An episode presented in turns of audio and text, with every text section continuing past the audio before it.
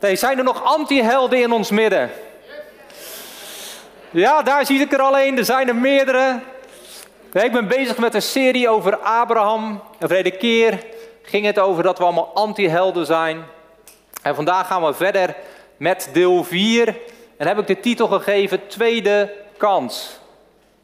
En ik geloof voor een aantal van jullie is dat al alles wat je moet horen vandaag.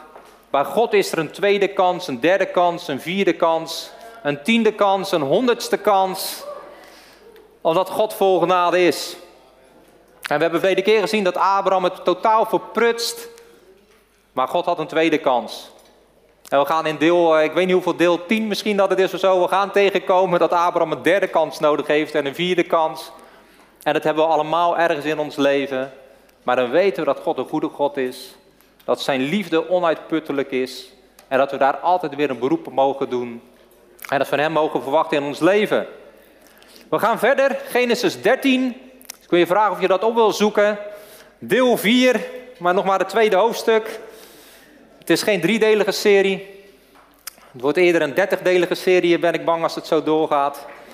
Maar het is zo mooi om te zien dat God door elke tekst heen van de Bijbel levend wil maken en spreekt. De verleden keer hebben we gelezen tot met vers 2, dus we gaan nu verder bij vers 3. En hij reisde van rustplaats tot rustplaats, vanuit het zuiderland tot aan Bethel, naar de plaats waar zijn tent eerst gestaan had, tussen Bethel en Ai. Naar de plaats van het altaar dat hij daar vroeger gemaakt had. En Abram riep daar de naam des Heren aan. Lot, die met Abram meeging, had ook kleinvee en runderen en tenten. En dat land liet het niet toe dat ze bij elkaar woonden, want ze hadden veel bezittingen, zodat ze niet bij elkaar konden wonen. En er stond dan ook oneenigheid tussen de herders van het vee van Abram en de herders van het vee van Lot. Bovendien woonden in die tijd de Kanaïten en de Ferezieten in dat land. En Abram zei tegen Lot, laat er toch geen oneenigheid zijn tussen mij en jou en tussen mijn herders en jouw herders. Wij zijn immer mannen die broeders zijn. Ligt heel het land niet voor je open? Scheid je toch van mij af. Als jij naar links gaat, dan zal ik naar rechts gaan. En als jij naar rechts gaat, dan zal ik naar links gaan. En Lot sloeg de ogen op en zag dat heel de Jordaanvlakte rijk aan water was. Voordat de Heer Sodom en Gomorra te gronden gericht had, was hij in de richting van Soar als het hof van de Heere, als het land Egypte. Daarom koos Lot voor zichzelf heel de Jordaanvlakte. En Lot trok naar het oosten en ze werden van elkaar gescheiden. Abraham woonde in het land Canaan en Lot woonde in de steden in de vlakte en zette zijn tenten op tot bij Sodom. De mannen van Sodom waren echter slecht en grote zondaars tegenover de Heeren. En de Heere zei tegen Abraham, nadat Lot zich van hem afgescheiden had, sla toch uw ogen op en kijk vanaf de plaats waar u bent naar het noorden, naar het zuiden, het oosten en het westen. Want al het land dat u ziet, zal ik voor eeuwig aan u en uw nageslacht geven. Nou, daar zijn we nog steeds getuigen van. En ik zal uw nageslacht maken als het stof van de aarde. Als iemand het stof van de aarde zou kunnen tellen, dan zou ook uw nageslacht geteld kunnen worden. Sta op, ga het land door in zijn lengte en in zijn breedte, want ik zal het u geven.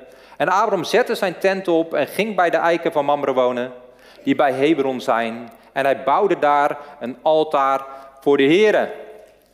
Tot zover gaan we vandaag verder. En ik heb er drie punten vanuit dit tekstgedeelte. En de eerste is terug naar de start.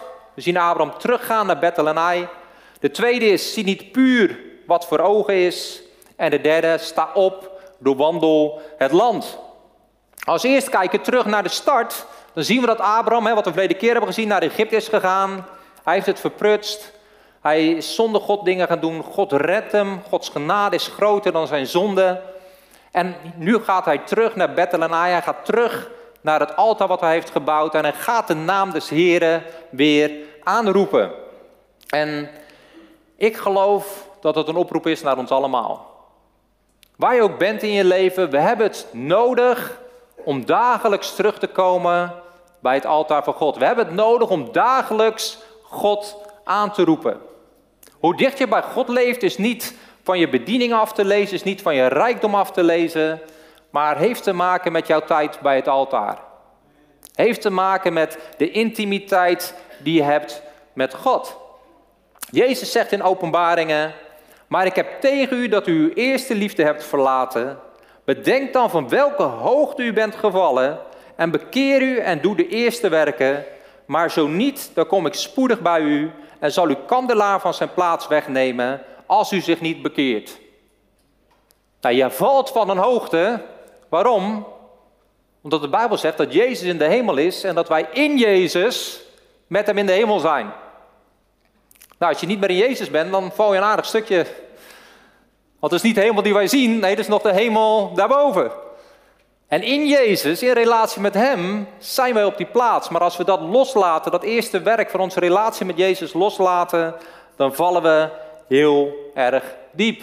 Dus waar heeft onze eerste liefde, ons eerste werk mee te maken? Dat heeft te maken met onze relatie met Jezus. Het bouwen van een altaar. Jezus zegt in Johannes 15, zonder mij kun je niets doen. Alleen vanuit relatie met Hem kunnen we de dingen doen. Paulus zegt dat zonder liefde niet iets voorstelt. Nou, mijn liefde is heel erg beperkt. Ik heb het nodig om elke dag liefde van God te ontvangen Puur om al van mijn gezin te kunnen houden. Laat staan om nog breder daarvan mensen te kunnen houden. En ik denk dat we dat allemaal hebben. Dat onze menselijke liefde heel erg beperkt is. Maar prijs God.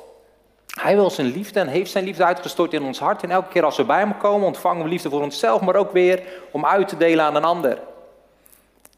Dus die eerste liefde, het bouwen van het altaar, daar hebben we het nodig om weer terug te komen. Heel mooi voorbeeld, hoef je niet op te zoeken, maar staat in Marcus 14. En er staat, en toen Jezus in Betanië was, in het huis van Simon de Melaatse, kwam er toen hij aanlag een vrouw met een albasten fles met zuivere, kostbare nardeszalf. En nadat zij de albasten fles gebroken had, goot ze hem uit op Jezus zijn hoofd. En er waren er sommigen die verontwaardigd waren bij zichzelf en zeiden, waartoe doende deze de verkwisting van de zalf? Want die had voor meer dan 300 penningen verkocht en aan de armen gegeven kunnen worden.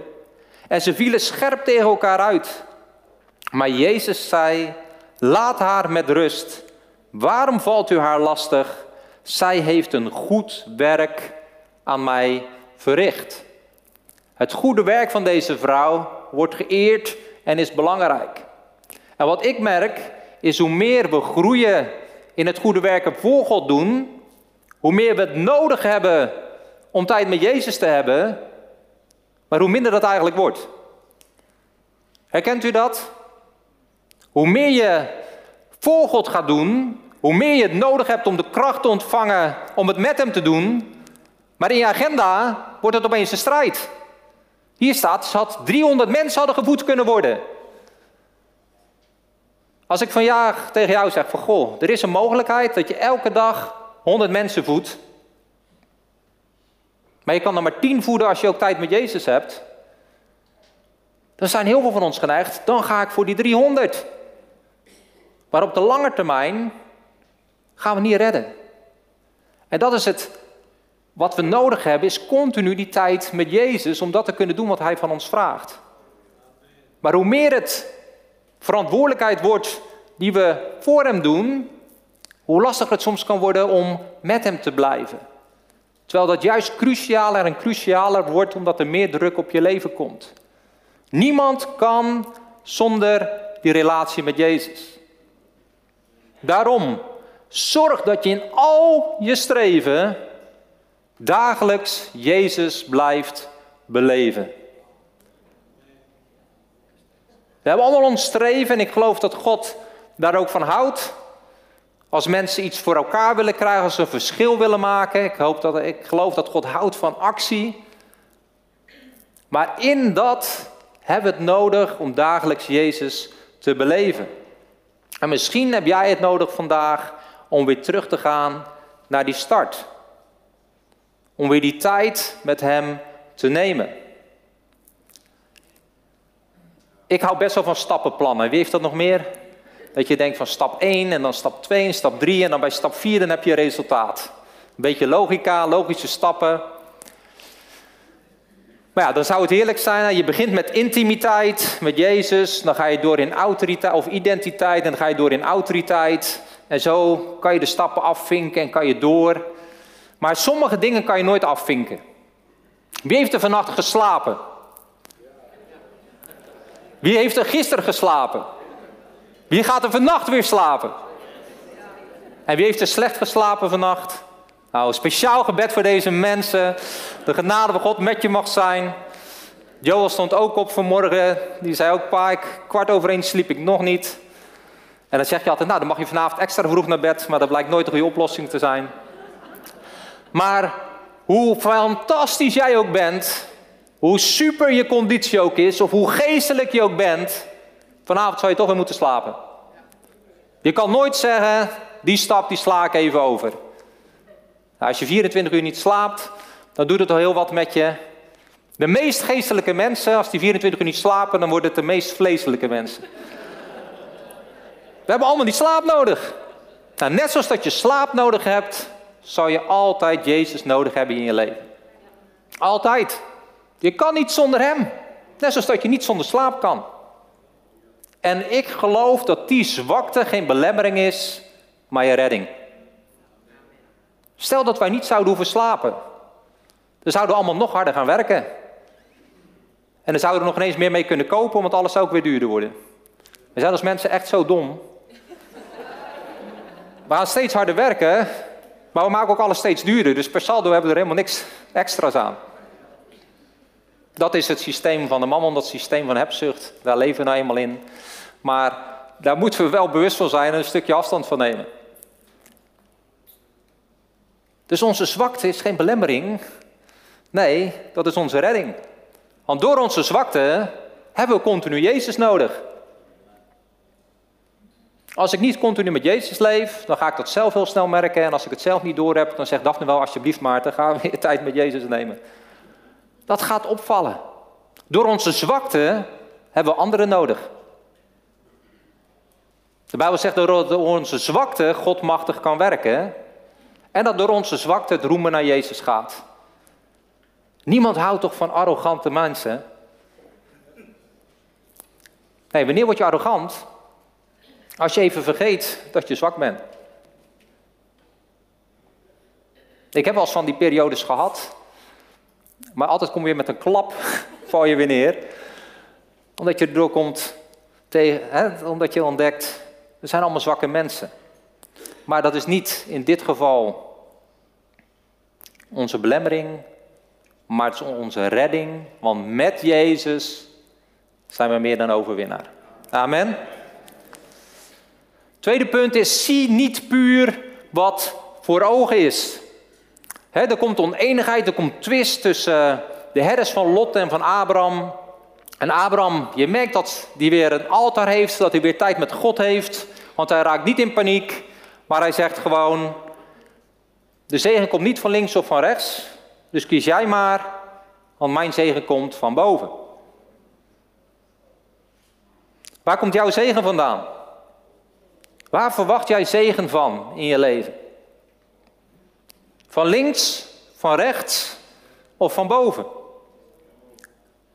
Zolang we nog verwachten van onze baas, onze opdrachtgever, onze partner, kinderen, ouders, de overheid, een hulpinstantie, of een bepaald huis, een baan, een partner, een vakantie of een bepaald bedrag op de bankrekening, dan zijn we nog links en rechts onze zegen aan het verwachten in plaats van van boven. Dus waar verwacht je nu ten diepste je zegen van?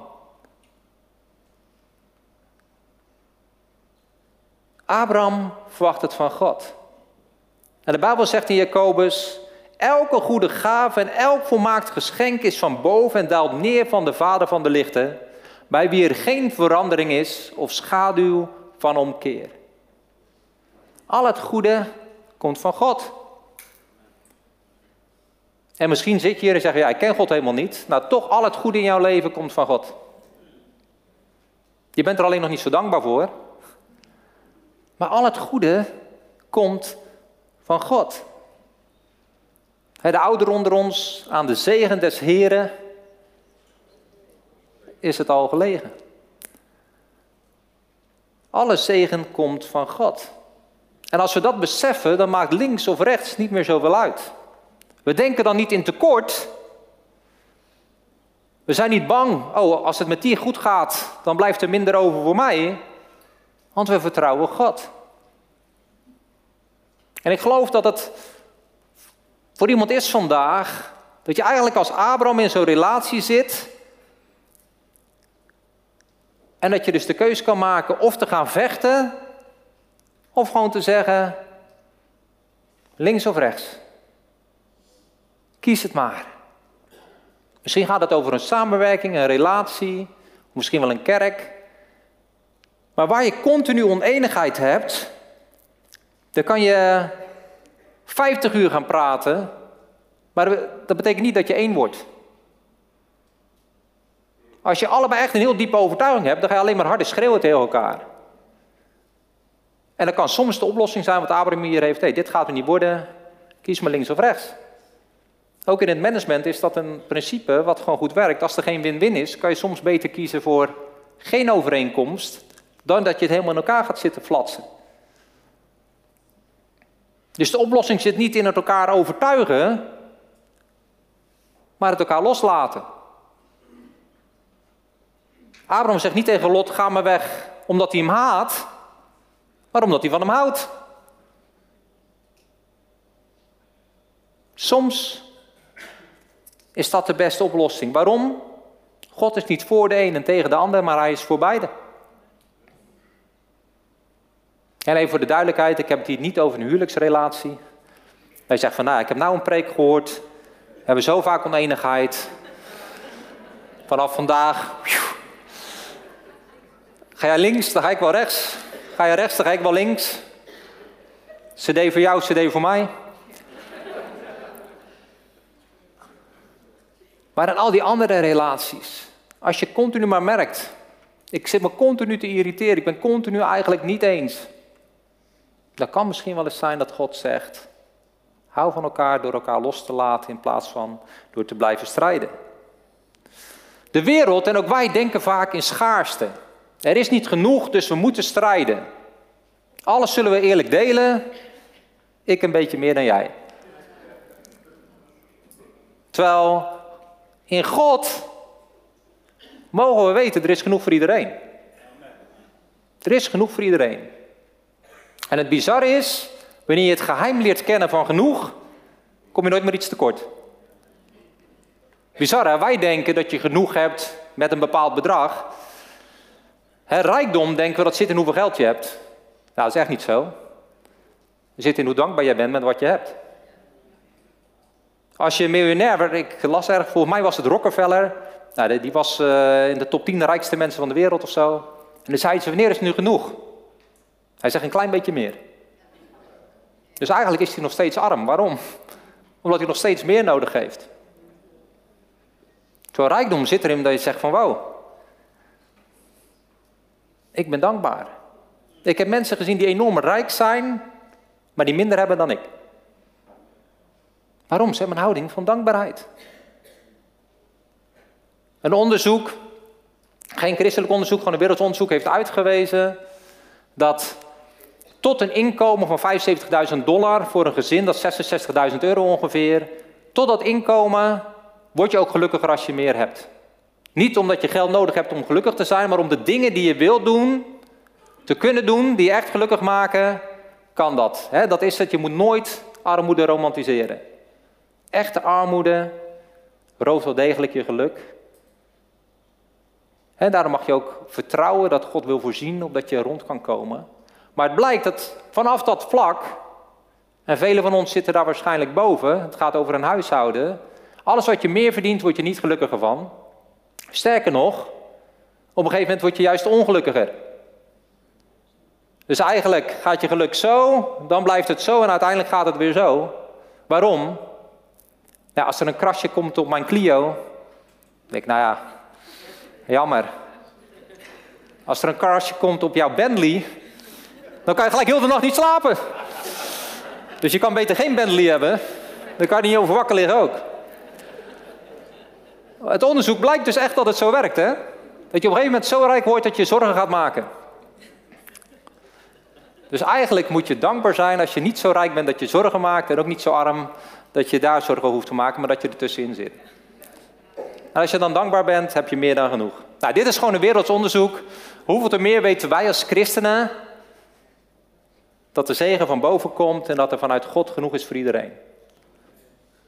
Hoeven echt niet te strijden met elkaar van ik wil bij God op schoot. Nee, vandaag mag ik bij hem op schoot. Nee, ik vandaag. God is genoeg voor iedereen. Voor iedereen die hem al kent. En zijn handen zijn ook uitgestrekt voor degenen die er nog bij willen. Hij houdt van iedereen. Het derde punt.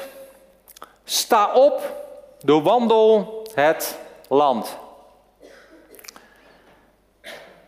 We lezen weer een belofte van God waar God continu op terugkomt bij Abraham dat hij het land wil geven.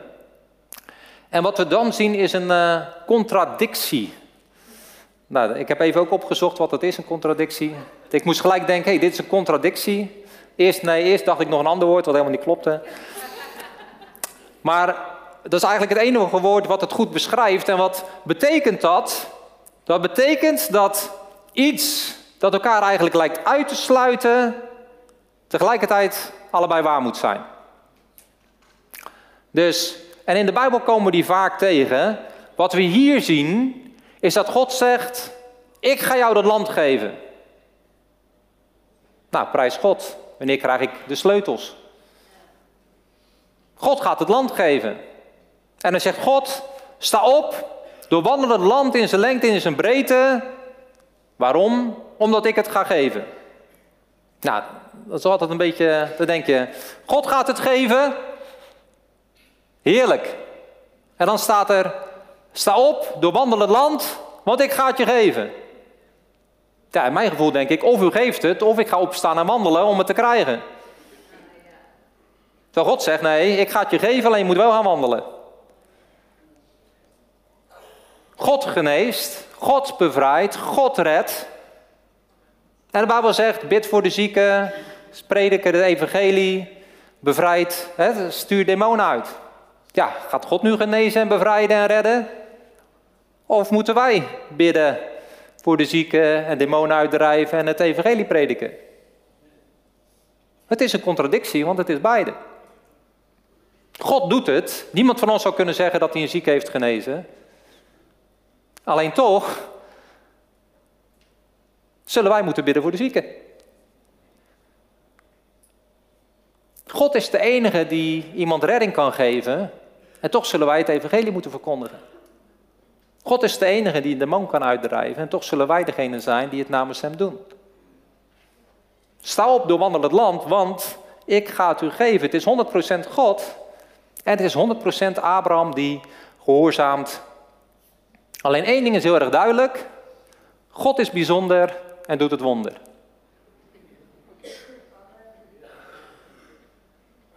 God is bijzonder en doet het wonder. En dat zien we eigenlijk continu terug in de Bijbel. Een tekst uit Exodus 11, vers 9 tot 10. De Heer had nu tegen Mozes gezegd: De farao zal naar u niet luisteren, zodat mijn wonderen, Gods wonderen, in het land Egypte nog talrijker worden. Mozes en Aaron hebben al deze wonderen gedaan voor de farao. Zie je hem? God doet de wonderen. Mozes en Aaron deden al deze wonderen. Nou, deze wonderen zijn geen wonderen die we gaan herhalen in deze tijd. Want wat deed God voor wonderen? Hij maakte water bloed. Nieuwe Testament maakt hij er gelukkige wijn van. Dat is beter, denk ik. Ik, heb, ik, ik drink het niet, maar het lijkt me beter dan bloed. Hij schept hordes kikvorsen, muggen, steekvliegen, sprinkhanen, zweren, hagel, duisternis. God doet allemaal wonderen. En wat heeft Mozes gedaan? Nou, velen dachten dat ik met een vishengel aankwam. Maar uh, het is een soort van stafstok. En wat heeft Mozes gedaan? Die heeft met die stok de lucht ingewezen. Hij heeft een beetje zo'n uh, jaren tachtig move gedaan.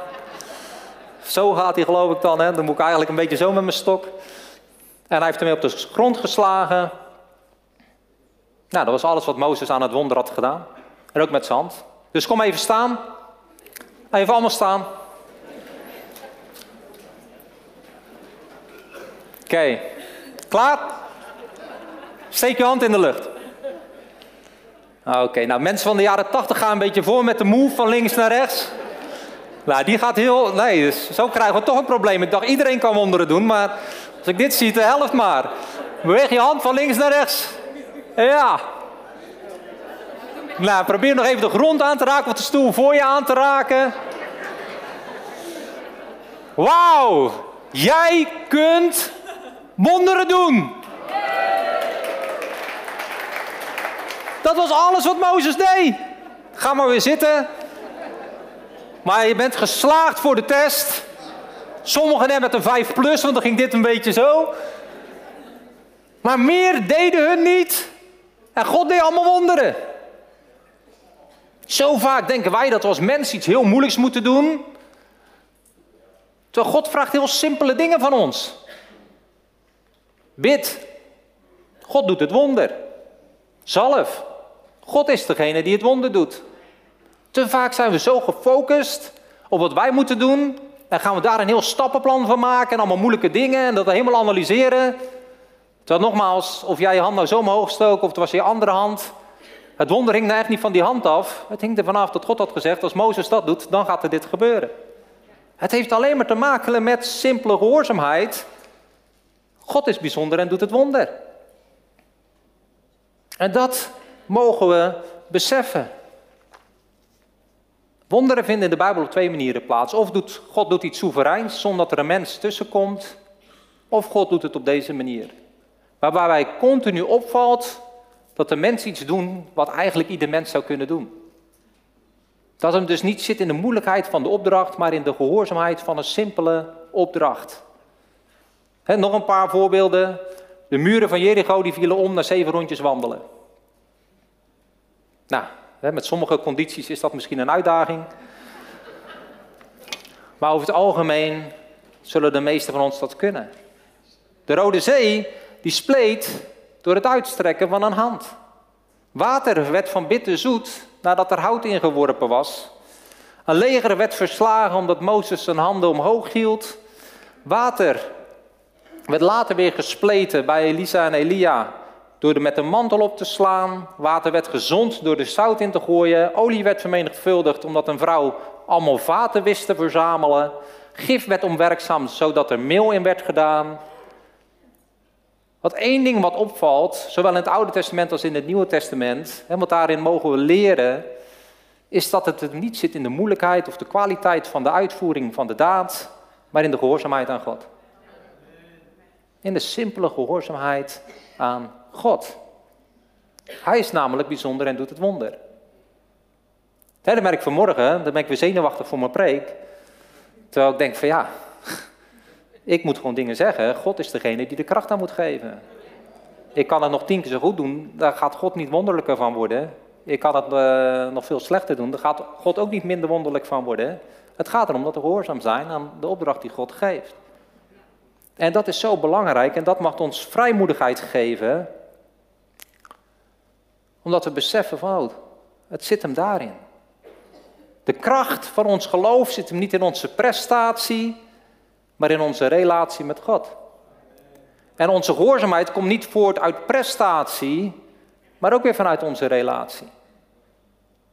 Dus die intimiteit met God, het eerste punt, terug bij de start, die is cruciaal. Je kan niet zonder.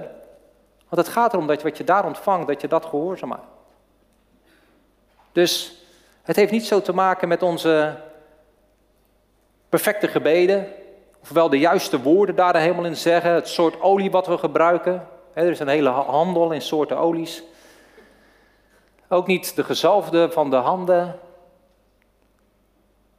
Het gaat erom dat we God gehoorzamen.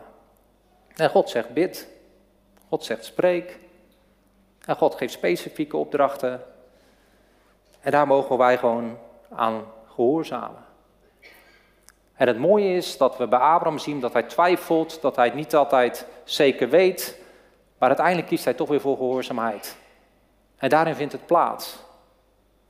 Dus je kan soms twijfelen, maar uiteindelijk gaat het erom wat je doet. Je kan beter met twijfel in je hart toch gehoorzamen, dan in je hart helemaal denken, ik snap het en niks doen. Vind ik wel mooi. In Lucas 5 dan zegt Jezus dat ze de net aan de andere kant uit moeten gooien, omdat ze heel de nacht niks hebben gevangen. En dan zegt Simon, meester, we hebben heel de nacht gewerkt en niets gevangen, maar op uw woord zal ik het net uitwerpen. Dus eigenlijk zegt hij van, nou ja, ik geloof er geen bal van dat we nu iets gaan vangen, maar omdat u het zegt, doe ik het. Ik ben gehoorzaam. Nou, wat is het resultaat? En nadat zij dat gedaan hadden, vingen zij een grote hoeveelheid vissen en een net begon te scheuren. Het zit hem in de gehoorzaamheid. Dus eigenlijk zegt hij van ja, maar hij is gehoorzaam en in die gehoorzaamheid zit het wonder. Ik wil de band naar voren vragen en nog één laatste voorbeeld delen. En dat kun je vinden, dat kan je thuis misschien nog eens opzoeken in 2 Koningen 5. En het gaat over Naaman. En Naaman is een legeroverste, is een krachtig strijder van de vijand eigenlijk van Israël, van het volk Aram. En hij is een enorm krachtig iemand, maar hij is ook melaat. En hij heeft een dienstmeisje in huis en dat zegt van, er is iemand die jouw melaatsheid kan genezen en dat is de profeet Elisa in Israël.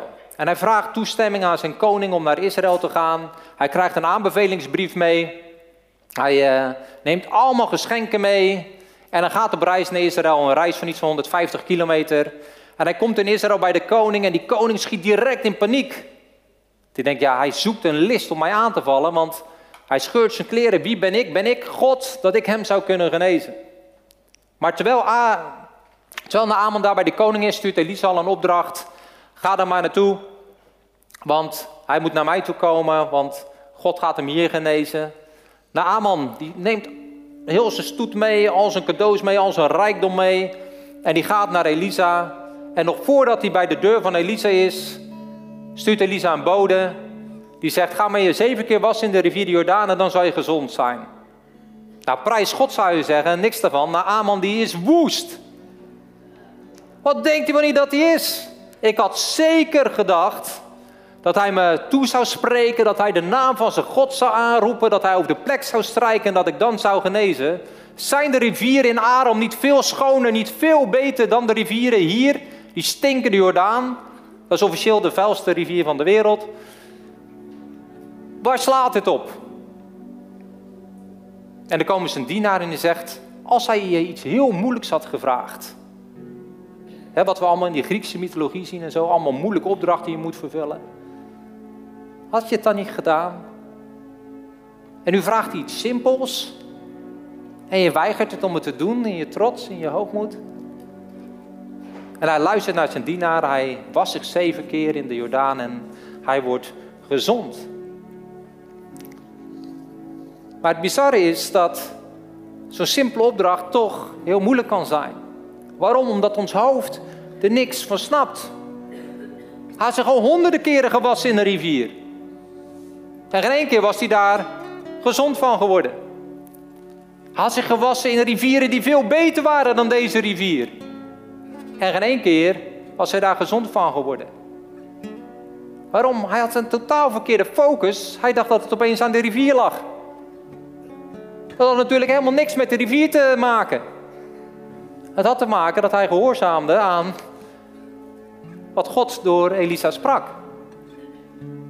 En zo vaak kunnen wij ook denken, ja maar hier is al honderden keren voor gebeden. Of er is door een heel speciale rivier voor gebeden. Waarom zal ik er nu nog een keer voor laten bidden? Waarom zal ik er nog mee bezig zijn? Omdat het niet in de rivier zit. Het zit niet in het gebed, het zit niet in de persoon. Het zit aan de gehoorzaamheid van God en het blijven verwachten van Hem. God vraagt niet jou en mijn buitengewone prestatie, maar hij zoekt handelen vanuit dagelijkse relatie. Abraham was niet perfect. Hij twijfelde regelmatig, maar hij bleef doen wat God van hem vroeg. En zo vraagt God ons als personen, maar ook als gemeente om te blijven gehoorzamen aan God. Sta op, Nehemia. Ga het land door in zijn lengte en in zijn breedte, want ik zal het u geven. God gaf het, maar hij moest opstaan en wandelen. En zo vaak zijn we gefocust, en dat is ook iets krachtigs, maar heeft ook een keerzijde op een soort van transactie. Dus in het gebed vindt een transactie plaats waarin het plaatsvindt. Zo heel veel dingen zijn door een transitie. God zegt niet, Abraham, sta op, stap, heel het land is je gegeven. Hij zegt, doorwandel het land in zijn lengte en in zijn breedte. Nou, dat zijn duizenden, tienduizenden stappen die hij heeft gezet.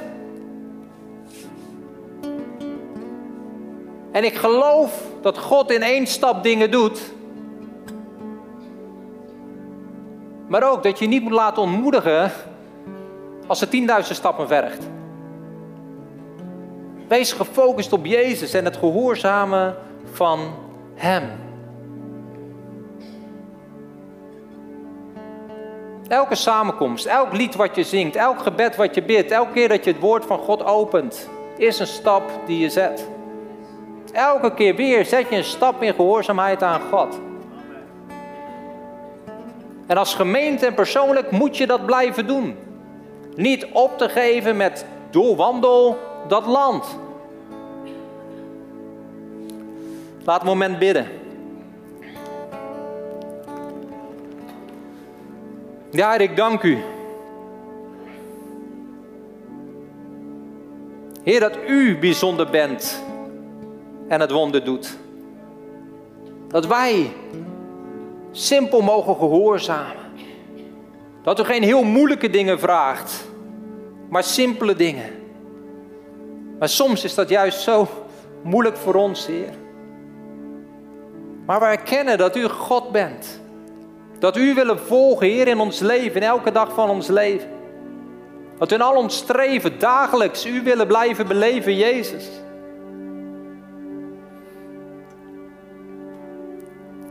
En ik heb een aantal woorden van kennis. Waarvan ik geloof vanuit deze preek dat God persoonlijk tot jou spreekt. En ik wil je vragen, op het moment dat je bij dat woord van kennis denkt, dit is voor mij om gewoon te gaan staan op je plek waar je bent. Zoals God tegen Abraham zei, sta op. Dat jij ook opstaat. In de wetenschap dat dat die simpele opdracht is aan jou. Van waaruit je mag weten dat God daarop reageert en een wonder doet in jouw hart. En ik geloof voor een aantal mensen dat je